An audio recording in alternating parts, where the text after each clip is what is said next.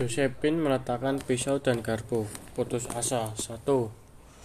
Untuk bumbu daging steak yang memang hambar. Dua. Untuk kalimat sinis bin sarkas dari Vin barusan.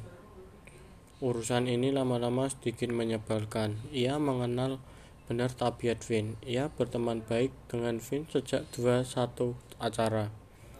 Pesan perpisahan sekolah prom night. Vin dan Jojo hanya jadi penonton di acara tersebut. Memandang sirik cewek-cewek berpakaian seksi lalu masuk kamus mereka.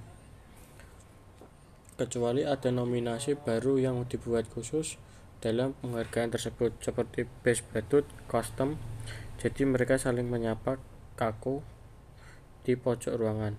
Meski saling tahu dan mengenali satu sama lain di sekolah.